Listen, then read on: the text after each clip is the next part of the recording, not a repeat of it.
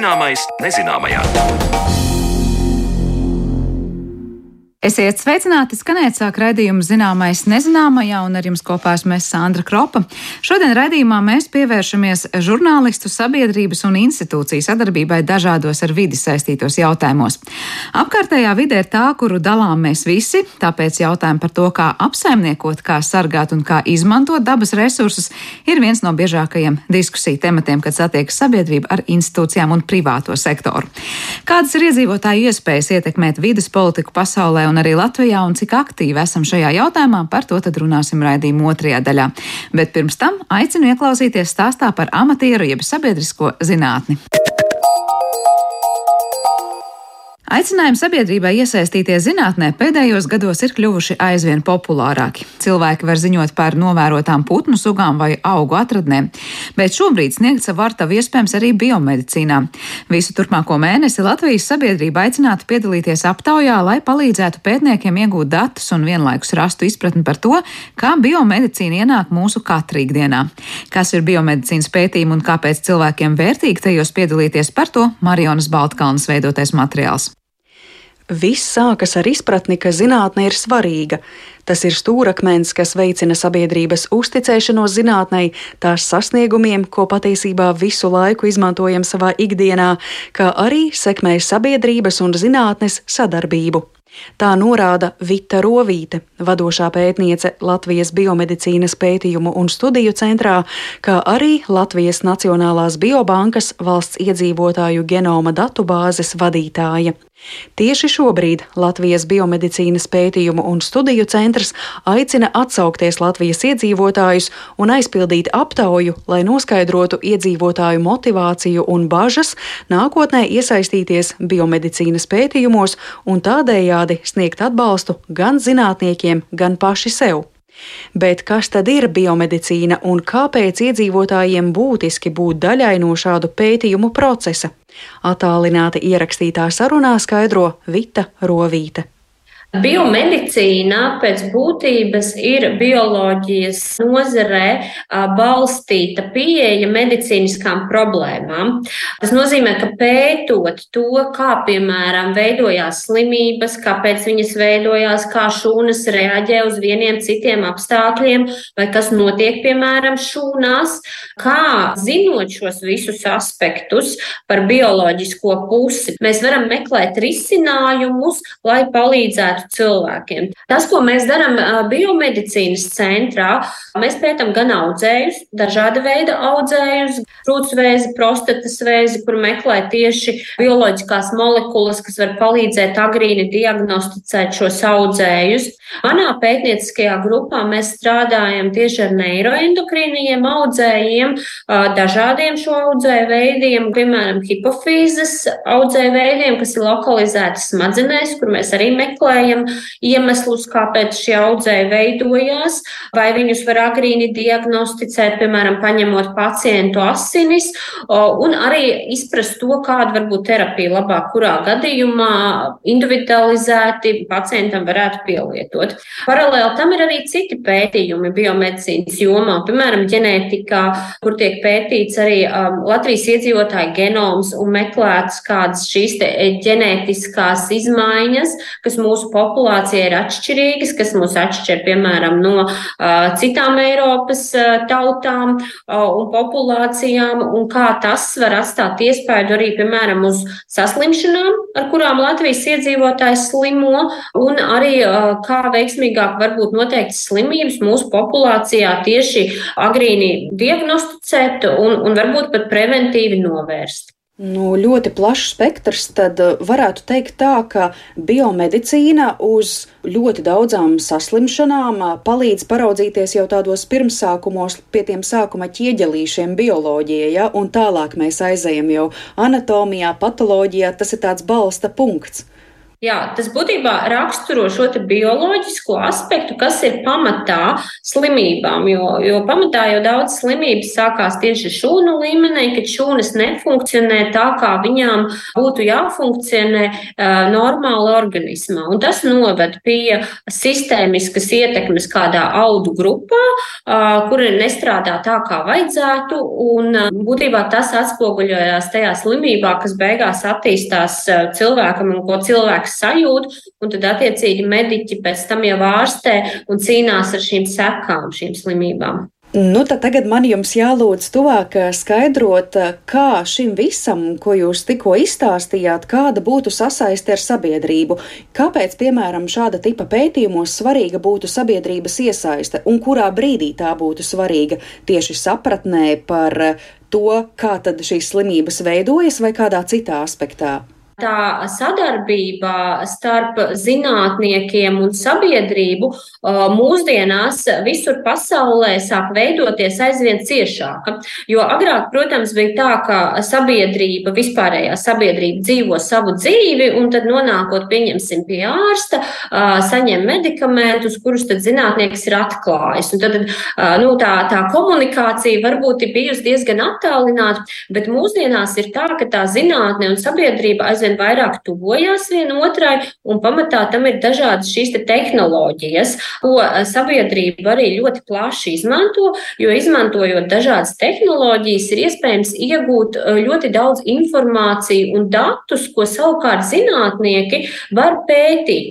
Eh, tas ir viens šis aspekts, un otrs aspekts ir, protams, ka sabiedrības iesaiste tieši biomedicīnas pētījumos ir ārkārtīgi svarīga, jo mums ir nepieciešami šie šie bioloģiskie paraugi no konkrētas slimības pacientiem, gan arī no veseliem cilvēkiem, kurus tad mēs varam pētīt, lai saprastu šos molekulāros bioloģiskos procesus, kas ir pamatā slimībai, kā šie bioloģiskie procesi var ietekmēt slimības progresiju. Tāpēc ir ļoti svarīga izpratne arī šajos cilvēkos, sabiedrībā, pacientos par to, ka ir nepieciešams atbalstīt zinātni. Bieži vien tas tas pat ļoti vienkāršā veidā, nododot asins paraudziņu vienu, vai, piemēram, ja tiek veikta operācija un tur kāds audu gabaliņš tāpat tiek izņemts, kā, piemēram, audzējs izoperēts, ka šo audzēju gabaliņu mēs varam izmantot, lai pētītu šī audzēja dažādus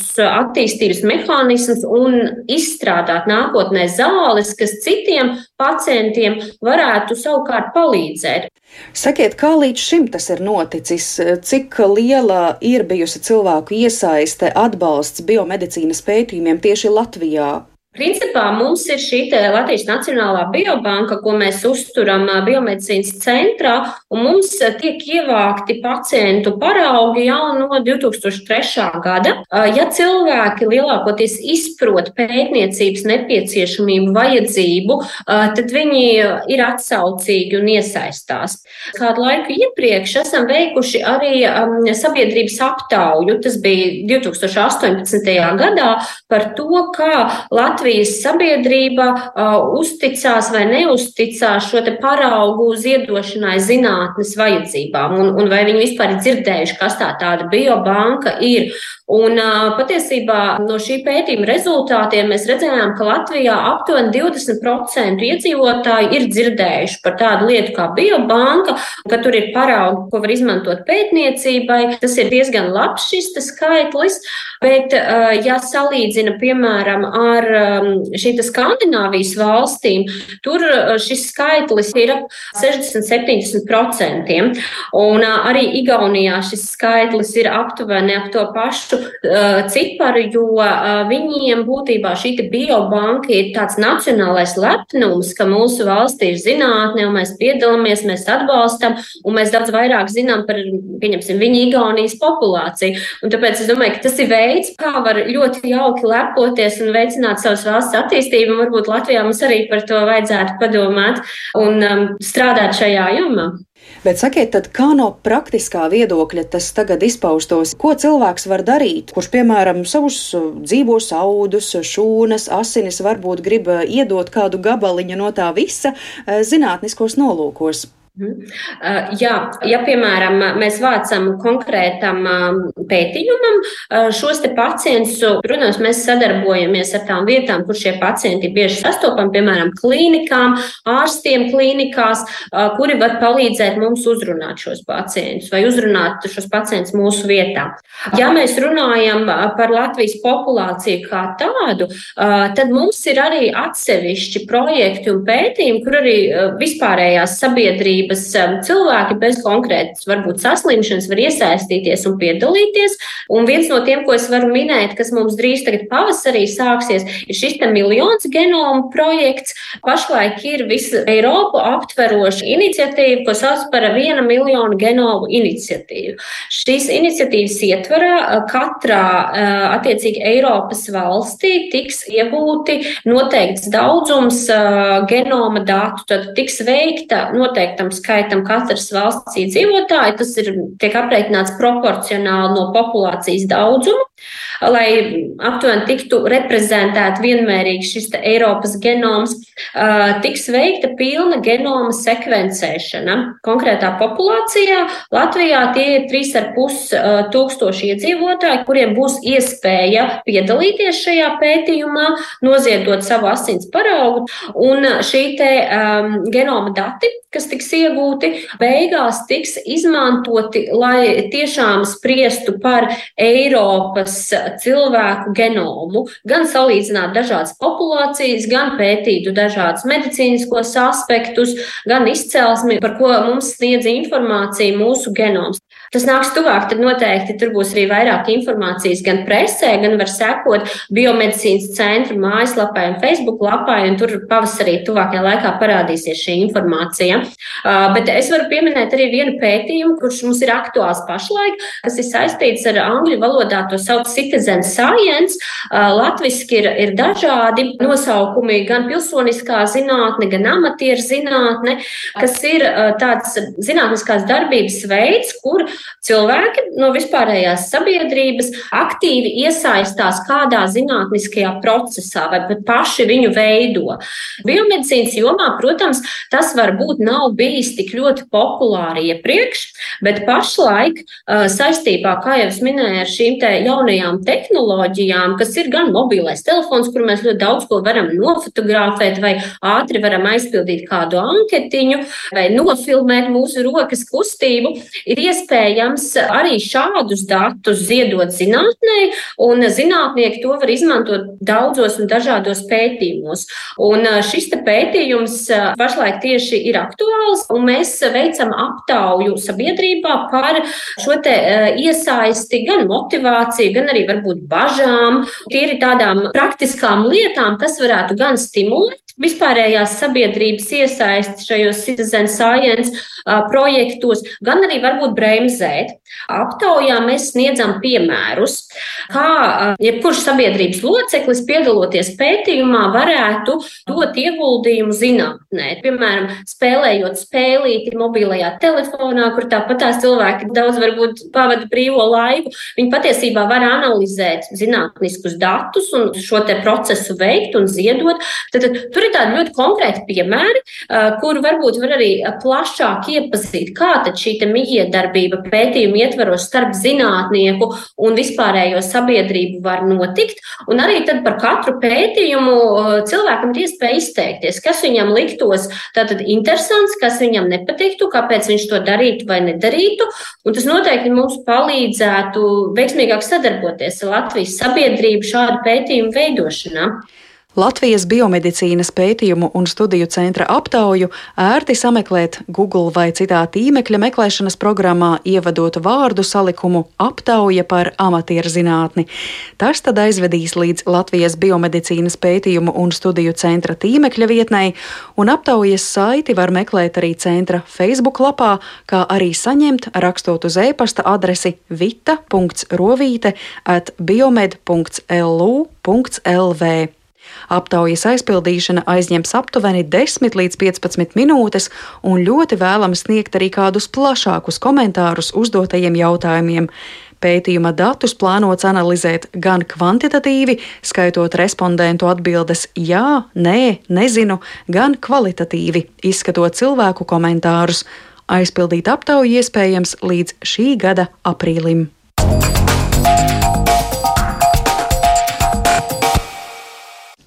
Paldies Marionai Baltkalnē par sagatavoto sižetu, bet turpmākās minūtes veltam sabiedrības iespējām un aktivitātei, iesaistoties lēmumu pieņemšanā par vidi sev apkārt.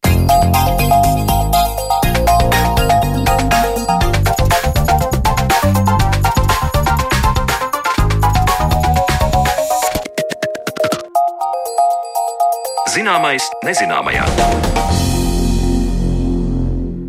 Brīdī, kad daudz dzīvokļu mājas pagalmā izcērt kokus, kaimiņos sāk būvēt cūku fermu vai plāno izveidot vēja parku, tad iedzīvotāji parasti sāk aktīvi rosīties un dažādos veidos paust savu nostāju par notiekošo. Skaidrs, ka sev tuvākā vide prasa arī lielāku uzmanību, un tad sabiedriskas diskusijas parasti notiek karstos toņos. Kādas ir iedzīvotāju iespējas ietekmēt vidas apsaimniekošanu Latvijā un vai esam aktīvi iestājoties ne tikai par notiekošo pagalmā, bet Latvijā kopumā? Par to tad mēs šodien runāsim ar mūsu uh, studijas viesiem atlikušajā raidījuma sadaļā. Un tāpēc es sveicu studijā Pasaules dabas fonda Latvijā direktoru Jānu Rozītu. Labdien! Labdien! Kā arī biedrības Zaļā brīvība pārstāvjus Liliju Apini un Valteru Kīnu. Labdien! Labdien! Labdien. Mēs daudzkārt šajā raidījumā esam runājuši par eh, klimatu, par vidas un bioloģiskās daudzveidības problēmām pasaules kontekstā. Ir ļoti daudz nevalstisko organizāciju un kustību, kas atgādina pasaulē par to ikdienas, kuras tad ir tās aktuālākās problēmas.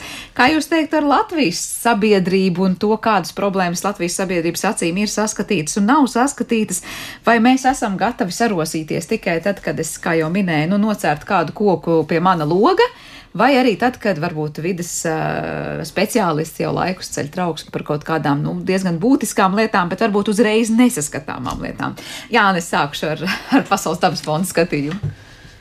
Jā, es gribētu teikt, to, ka nu, ir dažādi līmeņi, manuprāt, un tie mērogi, kā mēs varam šiem jautājumiem skatīties. Ikdienā vidas nevalstiskās organizācijas Latvijā strādā nu, gan Pasaules dabas fonds, šeit arī Zaļā brīvība un no citas organizācijas. Mēs, protams, vairāk skatāmies tādā plašākā kontekstā politikas dokumentus, mēs skatāmies noteikumus, likumus, kas top. Varbūt mēs piedalāmies arī plašāku, lielāku projektu sabiedriskās apspriedēs. Varbūt mazāk mums sanāk laika pievērst uzmanību kādam konkrētam kokam vai kaut kādai konkrētai situācijai, vai tas ir Rīgas, Rīgas centrā, vai tas ir Valmierā vai, vai Liepājā. Mēs, protams, sadzirdam tos iedzīvotājus, kas mums zvana un prasa, nu tad nāciet palīgā, bet itin bieži tā situācija jau kaut kur aizgājusi tālu un pat ir grūti vairs norēģēt tādā klasiskā pieejā, kāda būtu tā interešu aizstāvība. Līdz ar to tur tādas lielas atšķirības ir vismaz Latvijā. Citviet pasaulē, es domāju, ka tas ir nedaudz savādāk, un, un citviet pasaulē varbūt arī tā, ir sabiedrība vairāk ir pilsoniski aktīvāka un iespējams, ka tiešām proaktīvi iedzīvotāji seko līdz notikumiem. Un tad jau nu, vai caur pašvaldības plānojumu vai kā citādāk cenšas tos jautājumus tā, nu, ļoti jau agrīnā stadijā uh, nu, pārnāt, iesaistīties, būt dialogā un iespējams arī pašvaldība varbūt arī pozitīvāk reaģē uz to. Jo Latvijā šobrīd tā, tā, tā, tā, zinu, tā iesaiste, nu, es, es strādāju Pasaules dabas fondā 25 gadus. Un es, diemžēl, uh, nu, šobrīd neatceros nevienu gadījumu, ka es būtu jutis ka šī sabiedriskā apspriešana, vai tā ir uh, konkrēta projekta, vai tā ir strateģiskā ietekmes vidu novērtējuma, sabiedriskā apspriede, ka tā tiešām būtu Latvijā organizēta ar to būtību, kāda ir šī lēmuma pieņemšanas, nu, zinu, šī sabiedriskā apspriešana, proti, lai tiešām lai uzlabotu šo ieceri un lai savāktu šīs publiskās, in, publisko interešu nesēju tiešām redzējumu, ko darīt labāk. Tas itin bieži tomēr, tomēr ir ļoti formāls process, jo ja mums ir jārunā sabiedrība, mēs to darām, mēs to organizējam.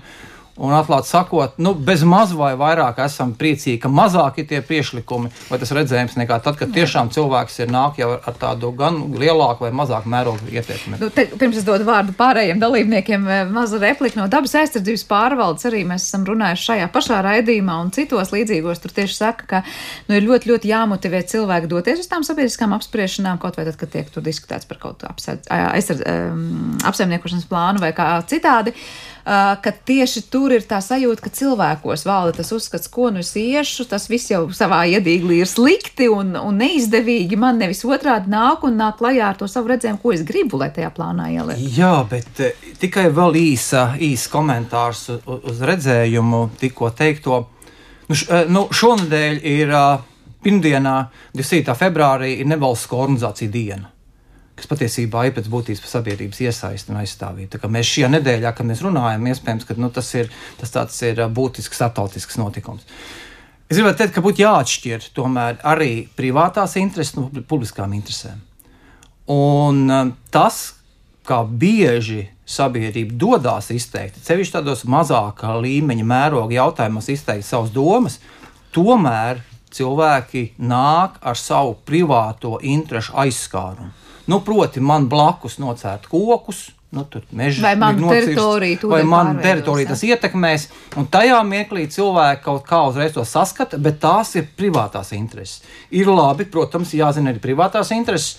Bet tās publiskās intereses, kas no tā visa būs un kādas būs tās plašākās ietekmes, nu, tas, manuprāt, ir vēl retāk, un tās nu, pavisam ir nērtas sabiedrisko apspiešanu, var teikt, organizētājiem. Zaļai brīvībai kāds skats uz lietām, gan par to, par ko mēs Latvijā satraucamies, gan par jau tikko Jāņa aizsākto tematiku, par to, kur ir tās uh, savas privātās intereses un tikko tās ir tās visas sabiedrības kopumā, nu tad iet pavisam grūti ar to aizstāvību.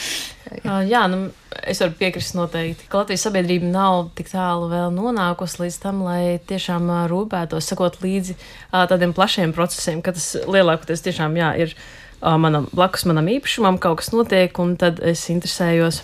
Un arī bieži vien mēs redzam, ka tā interese ir novēlota jau.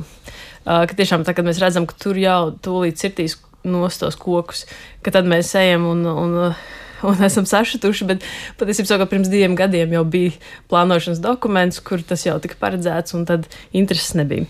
Uh, bet, protams, ka tā, tā nav iedzīvotāja vaina tiešā veidā, tāpēc ka ļoti bieži šie procesi, plānošanas procesi ir tik ļoti apslēpti, tik ļoti formalizēti, ka mēs par to vienkārši neuzinām. Un tā nav cilvēku vaina.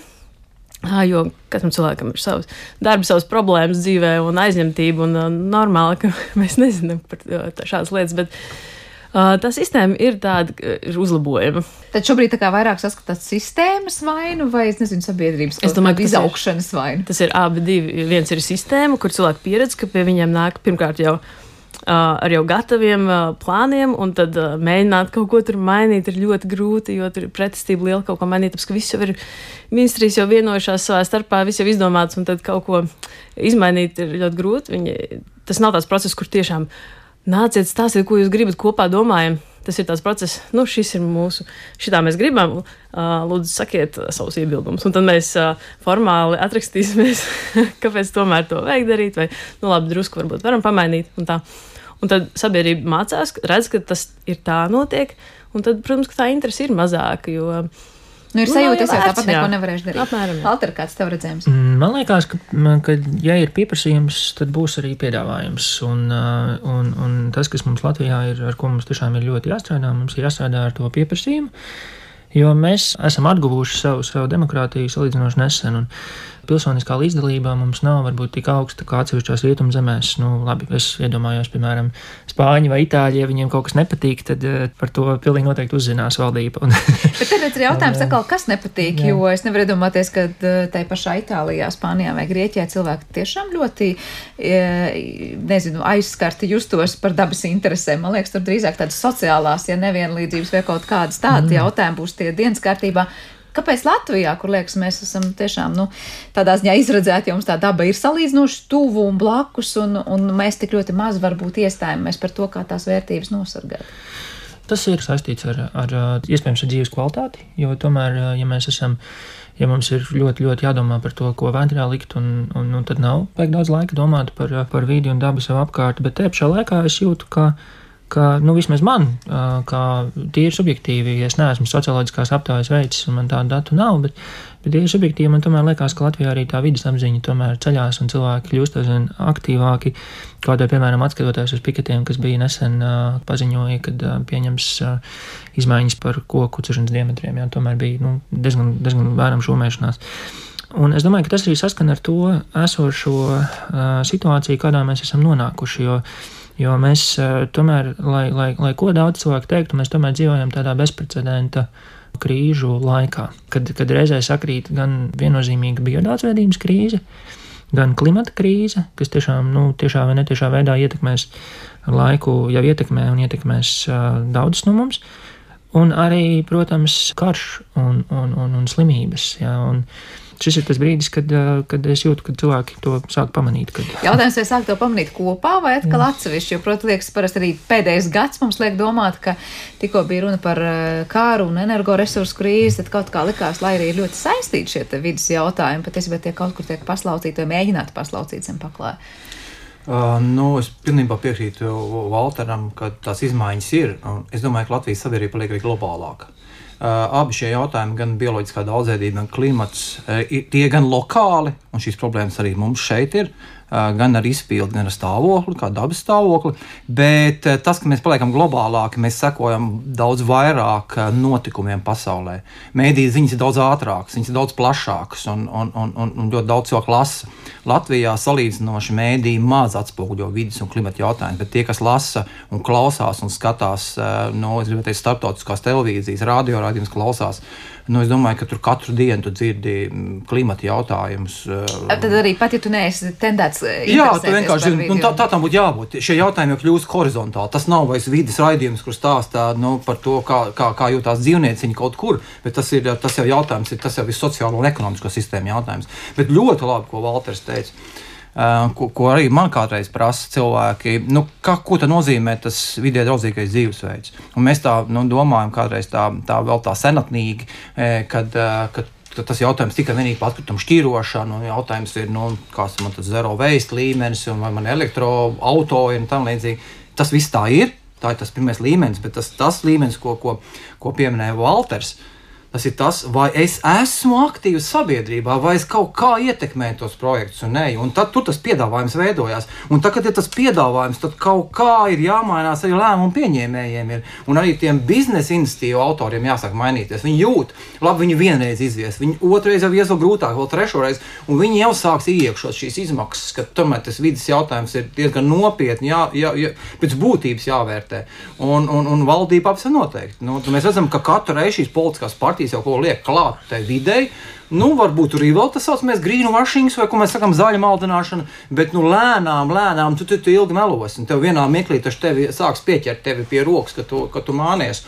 Un tas lēnām virs uz priekšu par to, ko, ko, ko Alters teica. Nu, tas pieprasījums, ja tas pieprasījums būs, tad līdz ar to arī dziļāki būs gan šie sabiedriskās apspies, šīs līdzdalības nodomu, šīs iespējas būt klāt. Bet, lai būtu šī, šī, šī līdzdalība ar vien augstāka un, un interese lielāka, tad jūs, prāt, no Valteres saklausīt to, ka mēs esam jauna demokrātija, nu, es nezinu, kas tad jāgaida, kamēr mēs Nē, paši izaugsim, vai kas ir tas, kas ir tas trūkstošais, nu, kas konkrēti soļi, kas jāspēr, lai mēs būtu aktīvāki? Patiesībā ļoti daudz, kas ir atkarīgs tieši no politikas veidotājiem un no finansu ilgspējīga izlietojuma.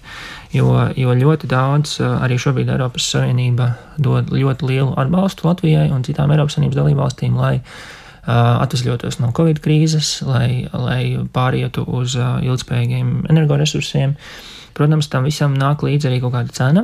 Ļoti bieži šī nauda ir jāapgūst ļoti, ļoti īsā laikā. Uh, Un, un, protams, ka tur var, zināmā mērā, tur var startēt tikai kaut kādi gatavi, gatavi projekti un gatavas, uh, gatavas iniciatīvas, un, uh, lai šo naudu nu, tā jēdzīgi izmantotu. Un ko tas tālāk nozīmē? Un tas, nozīmē un tas nozīmē, ka šīm gatavajām iniciatīvām pirmā, pirmkārt viņām ir tiešām jābūt.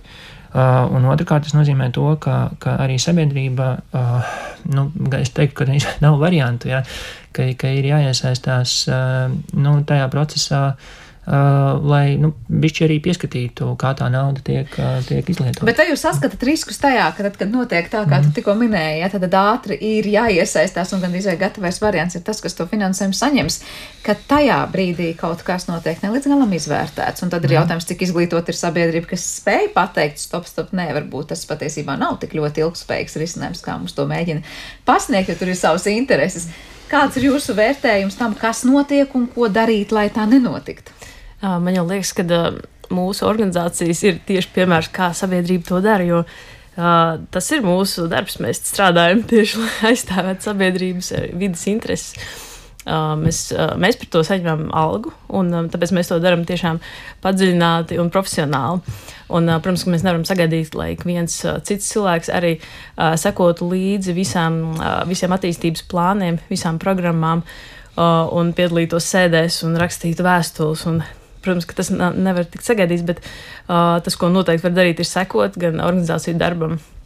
Tagad ir pieejams arī tiesību aktu portāls uh, tap.gov.lv, kur uh, var pierakstīties uz sev interesējušām tēmām, saņemt uh, paziņojums par to, ka uh, lūk, ir uh, kaut kāds jauns noteikumu projekts. Uh, tādā veidā noteikti ik viens var iesaistīties. Bet tieši man liekas, tās organizācijas tas ir tas trūkstošais elements, kur Uh, kur jā, viens indivīds uh, neko daudz nevar izdarīt. Bet uh, trūkstošais elements tādā ziņā, ka par mazu individu seko līdz organizāciju darbam, vai par mazu organizācijas iesaistās konkrēti jautājumu risināšanā, vai kā? Es teiktu, ka tā ir organizāciju arī kapacitāte, jo Latvijā mēs esam tik, cik mēs esam. Un, un, un to darbu dara tik cilvēki, cik viņi dara. Viņiem vienkārši ir ļoti bieži diezgan pamatīga pārslodze. Jā, Nīlēkam bija kas piebilstams.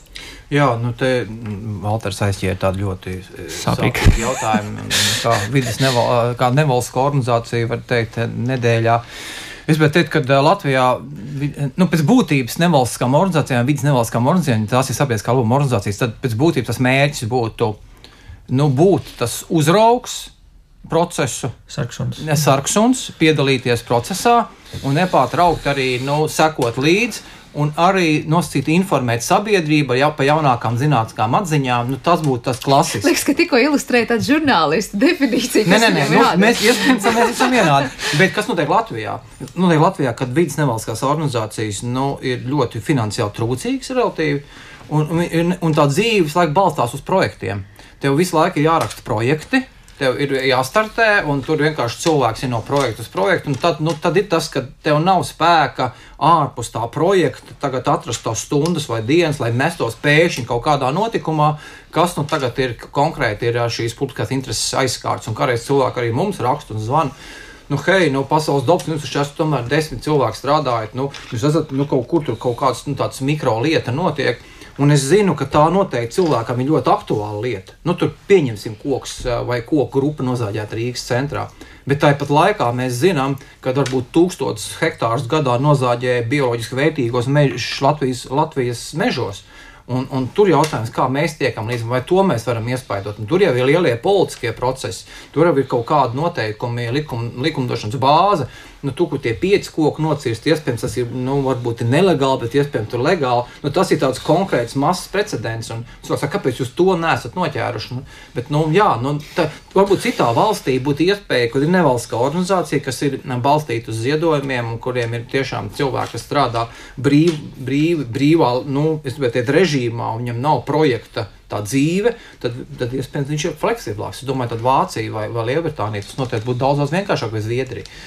Nu jā, un vēl, vēl gribēju piebilst, ka Latvijā tomēr ir diezgan liela plaisa starp, starp Rīgu un pārējo Latviju. Jo mēs tās vidas organizācijas, kas ir bazētas Rīgā, jā, mēs, mums kaut kā ir lielāka pieeja tiem valsts mēroga procesiem. Ministrijas ir tepat. Uh, kaut kā, kaut kā izdodas vieglāk, vieglāk iesaistīties. Bet daudzās pilsētās, piemēram, tajā pašā Dārgopilī, nu, reāli to vidas organizācija jau pirmkārt nemaz nav. Jā.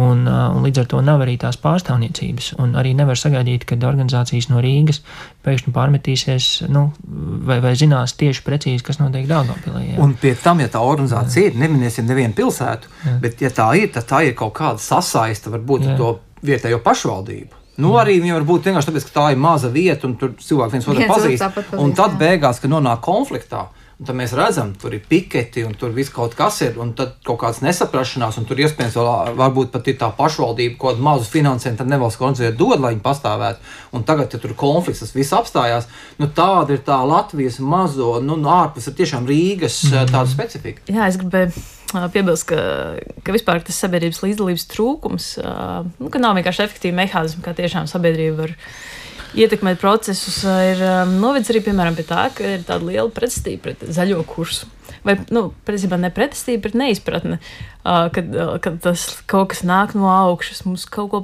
aizliek. Bet vai tur nav arī tas, ka ir kāda intereses, kuriem ir izdevīgi radīt šo nu, stāstu, Jā. ka tas ir neizdevīgi? Protams. Jā, noteikti ielicis tajā pilnīgi. Tagad, kad, tagad mēs aizējām uz to saimu un tiekamies tiem saimnes deputātiem. Viņi saka, nu jā, nu es jau vakar tikos ar, ar nevalstisko organizāciju to un aizvakar ar to. Un izrādās, ka viņi pēc būtības ir tikušies ar šo, ar šo privāto interesu aizstāvjiem, kas ir privāta interesu lobby.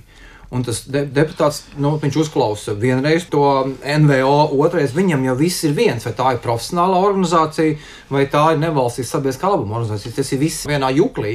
Un tad viņam liekas, nu, redz, ka divas organizācijas man teiks to, un jā, tā ir zaļajā kursā to, ko, ko pieminēja. Iespējams, tur kaut kāds pretruns, un mēs sakām, bet jā, jūs esat vieni, tur tie divi vai trīs teica kaut ko citu.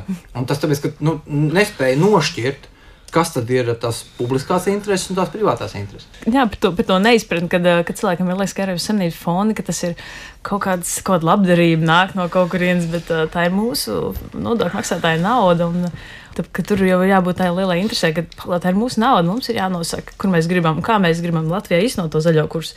Jo mēs nevaram apstrīdēt, ka to mums vajag, tāpēc, ka mēs esam bioloģisks būtnes, mums vajag bioloģisks pamats vispār, kur eksistēt. Jā, bet Latvijā netrūkst, kas apstrīd, jo te mēs varam vēl atsevišķi par to runāt ar kādiem argumentiem un varbūt arī dezinformāciju brīžiem tas notiek. Bet par to, kuras intereses, kurš aizstāv, es vēl gribēju jums pavaicāt. Kā jums liekas, vai vairāk būs tāda, tad, kad tam iedzīvotājiem prasa, nu tad ko tu īsti gribi aizstāvēt un ko tev vajag? Tā izpratne ir pietiekoša, lai nostātos tās dabas pusē, vai vienmēr tur būs tāda, nu, īstermiņa domāšana vai sava ekonomiskā labuma vai labklājības uh, argumentācija, kas spriedīs par labu tam. Protams, nu, piemērs man nesen arī viena no šī raidījuma viešņām stāstīja, ka bija iebildes konkrētiem cilvēkiem pret vēja parka mirguļošanu, skaņu vai vēl kaut ko citu, un tad, kad viņiem pateica, ka tas jums tur maksās, vai precīzāk, jūs nesaņemsiet vairs to un to un to savu to finansu izdevīgumu, tad kaut kā likās, ne, nu, nemaz jau tik ļoti arī vairs netraucē tas vēja parks. Proti, ka tad, kad tam iedzīvotājam vienkāršajam vietējam pateiks, tā ir tā naudas izteiksme, ko tu iegūsi vai zaudēsi, tad tur patiesībā sašķobās tās intereses, ko ir gatavs aizstāvēt tas cilvēks. Nu, es pat un, tā kā es personīgi, kā pasaules dabasons par šo jautājumu, negribētu tā diskutēt, ka tas tik vienkārši ir nu, tāda finansiāli ietekmējama lēmumi, tad arī privātā līmenī, jo man pieredze tieši pretējas, kad viņš saka, ka viņam neinteresē nauda, nekas viņam interesē daudz svarīgāk tā telpa, kur dzīvo, jo tur ir ainava, tur ir kaut kādi veselības jautājumi, un iespējams, ka varbūt tas nav, bet tas cilvēks pats pieņem, ka tur ir veselības problēma problēmas var pēc tam rasties. Nu, es nerunāju par konkrētu projektu, bet par kur citu. Tā kā tur ir, man liekas, tikpat bieži arī citu, citu veidu tās izpausmes. Ir. Bet par, par, par vēja parkiem tas ir, tas izteikti, jo, ja es nemaldos, tad oficiāls aptaujas nepārprotam rāda, ka um, atjaunīgais energoresursu vējš ir atbalstāms no sabiedrības viedokļa. Bet tajā mirklī, kad tas, ja tas ir blakus tam manis, tad, tad, tad, nē, tad labāk, lai tas tomēr ir kaut kur citur. Bet, principā, es neesmu pret. Tā kā, nu... Bet tas nav tāds strupceļš, kurā mēs nonāksim pie jebkura tāda vidas jautājuma, kas, kas skars to, nu, kur tad ir tas kompromiss, kad uh, idejas vārdā es saku jā, bet tikai ne pie manas teritorijas. Nu jā, tāpēc ir tie kompensējušie mehānismi kaut kādi jābūt. Un, uh, par to jau tieši vēja parka attīstības kontekstā jau par to ir, ir tagad tiek domāts. Bet, uh, To jau sen vajadzēja izdarīt. Protams, jo, uh, jo tur ir tīri objektīvi tiešām iemesli, kaut kā īpašuma vērtība un tādas lietas. Uh, loģiski, ka tur ir jābūt uh, kaut kādam uh, kompensējušam mehānismam, kas um, kaut kā salāgo. Jo, protams, ka ir kopējā interese, un tas ir mm, enerģētiski ļoti svarīga interese visai Latvijai. Un, uh, jā. Bet vēl te tavs komentārs par to, ka noslēdzot šo, šo aspektu, vienā brīdī nebūs tā, ka sadursies vienmēr tās intereses un nebūs iespējas parast to kopsaucēju. Ja vien, protams, netiek realizēts tas viss, ko tikko minēja par kompensācijām. Bet arī tad jautājums, nu, kas kuram ir tas svarīgais? Un... Nu, nevienmēr arī tās lietas, nu, bieži, bet nevienmēr tomēr tās lietas arī ir pretrunā. Uh, vidas intereses, dabas aizsardzības intereses un cilvēka intereses. Kas redzēs uz veiparkiem, jā, es tiešām saprotu, kāpēc cilvēks varētu negribēt, ka, viņa, ka viņam blakus mājai tāds ir. Jā. Bet tur tomēr ir ļoti, tur ir daudz visādi iespēju. Latvijā mums ir bijuši vairāk mēģinājumi arī attīstīt vēja parkus vietās, kas, kuras tiešām izcili maz apdzīvoti, lielās lauksainicības zemēs, lauksainicības zemju masīvos. Tur arī nopatustēja nu, cilvēki, kuriem lūk, māja atrodas tur pārdesmit km radiusā no tās, no tās vietas, konkrēti detaļās neejot. Bet eh, tādā individuālā līmenī es teiktu, ka cilvēki ļoti bieži vidi arī grib sargāt. Un, eh, un it sevišķi pašvaldību līmenī, eh, un tas jau nav slikti. Man liekas, tas būtu arī ok, ja tā vēlme sargāt vidi un dabu nāktu no tāda kopienu vietējā līmeņa un tiktu būvēta uz augšu. Kāda ir tā paša institūcija un uzņēmumu attieksme pret uh, sabiedrību, kura iestājas par dažādiem ar vidi saistītiem jautājumiem?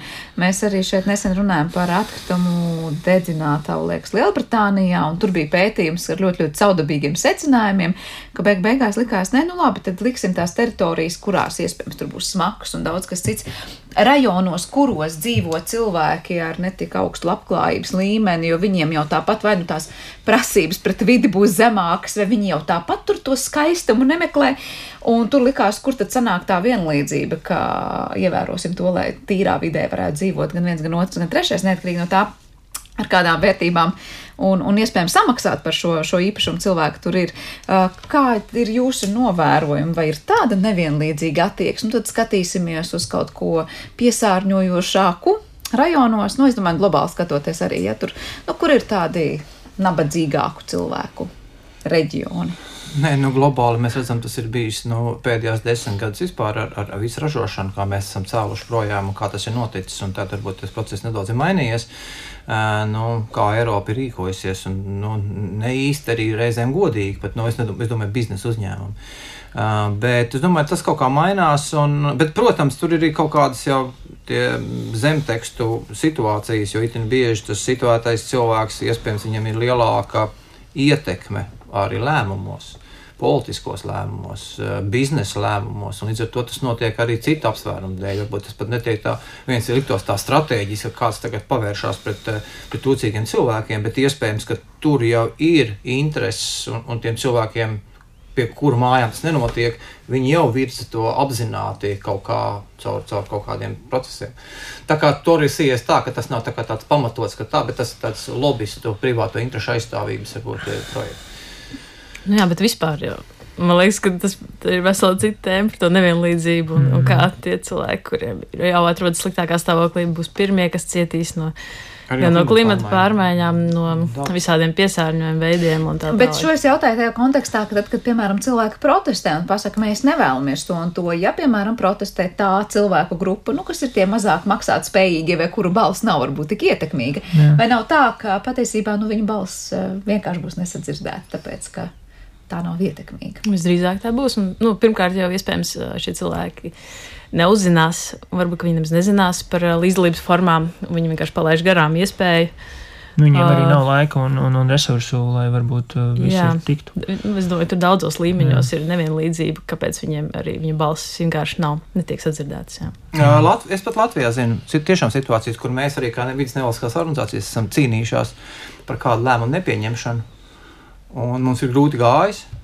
Un beigās tas ir izšķīries tikai kaut kādu pilnīgi citu cilvēku nu, teikt, no, no kaut kādas no, no redzējumā, vai viņa privāto kaut kādu nu, bet, interešu aiz, aizskārumā un, un, un spēja izmainīt um, likumdošanas uh, gaitu ļoti veikli, um, arī tā skaitā par labu dabas organizācijā. Vai, vai mūsu redzējumam. Nu, mēs varam kaut kādos tos pašus piemērus ņemt, un varbūt uh, nezinu, tas ir nepavisam nesen, uh, tas pats depozīts. Kā mēs cīnījāmies 20 gadus par šo jautājumu, un tas jautājums nevirzījās, nevirzījās, un pēkšņi tas ļoti veikli ir aizgājis.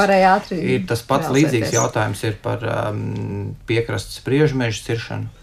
Uh, kur uh, vidas organizācijas ļoti cīnījās un likās, ka tas ir nu, kaut kādā veidā pat grūti sasniedzams um, lēmums, lai tas nenotiktu ar, jo nu, privātu interešu lobby bija ļoti nu, pārskatāms, spēcīgi ar saviem argumentiem, kā no lēmumu pieņēmējiem, bet beigās varbūt izšķir šīs lietas pilnīgi kaut kas cits, vai šie meži tiek cirsti vai netiek cirsti. Jā, bet tas ir fakts, ka vidas, klimata un dabas aizsardzības jautājumi ir ļoti aktuāli. Un tiešām ir ļoti aktuāli, un to apzinās arī valdības, to apzinās arī Eiropas Savienība, Eiropas komisija un tiešām tie resursi, kas ir kā ir paredzēti, nu, lai šīs problēmas risinātu, ir tiešām, nu, viņi, viņi ir pieejami. Valstī viņi ir daudz pieejamāki. Un, Jā, bet tāpat laikā, pieļaut, ka pārtrauks pirms vēlēšanām, kad mēs, man liekas, ar Jānu Rozīti noteikti tikāmies šajā studijā un runājam par to, un tad paskatāmies, kādas ir tās programmas. Tad patiesībā teica, ka nu, tās vidas jautājuma lietas nu, jā, reti, jā. kur ieskanās tiešām tā nu, pamatoti. Proti, ir mums sajūta, ka Latvijā vēlētājs neprasa šos jautājumus, ka var atļauties saraksti nu, ne īpaši dziļi un pamatoti izvērst savas programmas saistībā ar vidas jautājumiem. Nu, tas ir tas pieprasījums. Ja tas pieprasījums attīstīsies pakām, tad nu, tas norāda to, ka šobrīd tas pieprasījums jau attīstījies.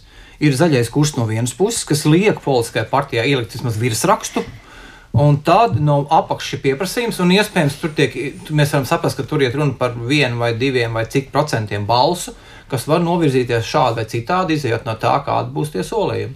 Un, un, nu, pirmā reize tu vari solīt un, un nevirzīties uz priekšu, nu, nākamā reize tas jau būs tomēr kaut kāda tās analīzes arī no mēdīju puses. Paldies mēdījiem, kuri arī vien sāk vairāk analizēt, nu, kā tā gājas pagātnē, un ceļš pirms šīm vēlēšanām ļoti fundamentāli gāja cauri, un ļoti, ļoti daudz sarunas, varbūt mazāk bija vides jautājumiem. Bet nu, tā, ka, ja tu esi kaut ko solījis, tad tev tiešām tas ir pie vārda. Es gribēju vēl pavaicāt uh, Lilijai par iesākto tiesību aktu portālu, varbūt nedaudz ieskicē, kas īsti tā ir par aktivitāti, tad īsti sanāk, kam, kur tur var pierakstīties un sekot līdzi, un kāda ir šī līdzdalības forma, kas var palīdzēt. Nu, panākt to, ko sarunas sākumā jūs teicāt, lai mēs būtu visi kopā vairāk izauguši un aktīvāk iestāties par tām vidas lietām. Mm, tas ir uh, valsts izveidots un uzturēts uh, portāls, kurā uh, tiek publicēti visi tiesību akti, kas uh, tiek nodoti uh, apspriešanā. Uh, kā arī visi tie, kas tiek pieņemti. Un, uh, tur diezgan labi var redzēt visu to procesu, var redzēt komentārus iesniegtus, uh, pēc tam var redzēt uh, arī atbildus uz šiem komentāriem. Un tā labā funkcija ir tāda, ka tur var pierakstīties, izvēlēties tēma, tematus, kas uh, interesē. Un, Nav katru dienu jāiet tur iekšā skatīties, vienkārši saņemt ērti uz e-pastu. Uh, tā problēma ar to ir tāda, ka tas ir lielisks rīks, bet atkal iztrūkst tas elements, ka nav netiek plaši par to pastāstīts, un tas šobrīd sanāk tā, ka man. Viens otram izstāsta. Bet nav tā, ka tajā brīdī to ielūkojoties, tajā cilvēks jau sapratīs, tur ir ļoti sarežģīta juridiska kaut kāda valoda, viss ir normatīvi akti, un cilvēks vienkārši atmetīs ar roku, ka mums iztrūkst kaut kāds vidusposms, kas ir vienkāršā valodā par svarīgo, kas iztulkotu, ja tā var teikt, kas tad īsti tās ir par aktivitātēm. Vai, nu, to mēs nevaram sagaidīt, protams, par katru, bet kāds ir tas redzējums, uz ko iet un virzās? Nu, ja, mēs, ja mēs tā reāli gribam, lai sabiedrība tiešām iesaistās un nevis ķeksējam ķekšus par to, kad ir sabiedriskās apspriešanas izpildītas, tad jā, tas vidusposms viennozīmīgi pietrūkst. Tas vidusposms ir savā ziņā vides organizācijas, bet, kā jau mēs iepriekš noskaidrojām, viņas nav līdzvērtīgi izvietotas pa valsti.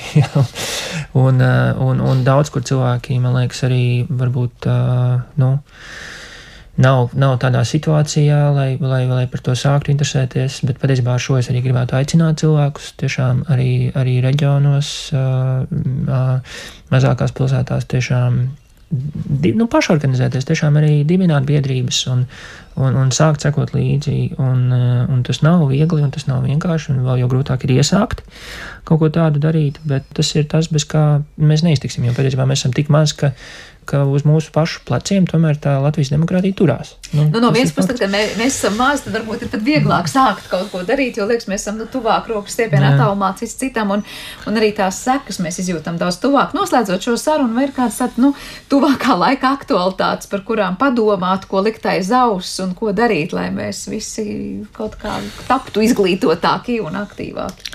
Man ļoti patika Jānis, kā ieminējās par NVO nedēļu, ja NVO dienu. dienu, jā, NVO dienu. Mums patiesībā šogad ir biedrība zaļā brīva 30 gadu jubileja. Un šī gada laikā mums ir vidas interešu aizstāvības gads, kur mums būs ļoti nu, vairāki, vairāki interesanti pasākumi tieši, kas var palīdzēt arī, arī cilvēkiem, kas par ikdienā neinteresējās, tiešām nu, vairāk iebraukt vidas interešu aizstāvības teiksim, tēmā un dažādās apakštēmās kā enerģētika, transports, ilgspējīgs transports un, un citās.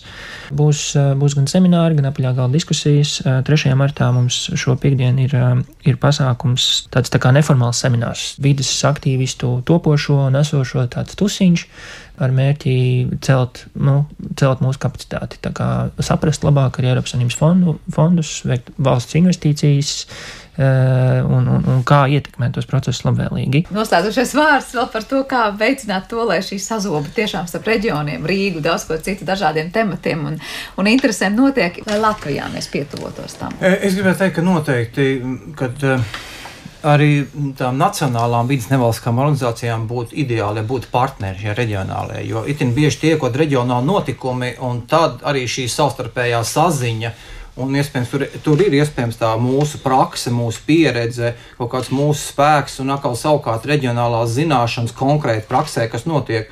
Un tas būtu iespējams, tas ir tas, tas veids, tā pakāpe, kā var, kā var virzīt kaut kādus dažādus notikumus dažādi Latvijā. Bet tik, tikko arī jautāja par notikumiem. Es domāju, ka sabiedrībai interesants notikums varētu būt eh, šis atversmes tiesa kas šobrīd ir, kur, kur vidas nevalstiskās organizācijas aicina satversmes tiesu izvērtēt šos koku ciršanas, jaunā koku ciršanas noteikumu atbilstību labai praksē un vidas jautājumiem, kas mums liekas no 21. gadsimtā ir gan pret startautiskiem, startautisku, nu, var teikt, zaļā kursa tvērumu, gan startautiskiem nosacījumiem vispār, par ko runā, un arī dabas stāvokli kā tādu.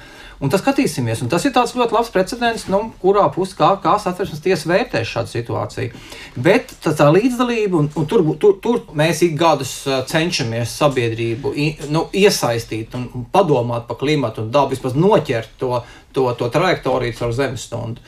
Un vismaz, lai nu, mēģinātu, lai izskan, lai cilvēks vismaz kaut kādā mirklī, jo mums ir kā liekas, ka nu, mēs jau daudz cilvēku par to domā, bet ja mēs apstāmies tie, tie daži procenti Latvijas iedzīvotāji, kas tā ļoti nopietni domā par vidas jautājumiem kas gatavi iet uz, arī uz vēlēšanām un izvēlēties šos principus. Bet, nu, kā dabūt tos pārējos 90, un tad ir jātaisa arī dažādas informācijas kampaņas, un, un līdzīgi arī tas, ko dara Zaļā brīvība. Arī mēs cenšamies nu, kaut kādā veidā vismaz noķert to pirmo mirkli, cilvēks par to sāk domāt. Un tas skatāmies, kas notiek. Zemes stundu mums kā parasti marta beigās. Jā, marta beigās. Jā, līdz te vēl, vēl laiciņš.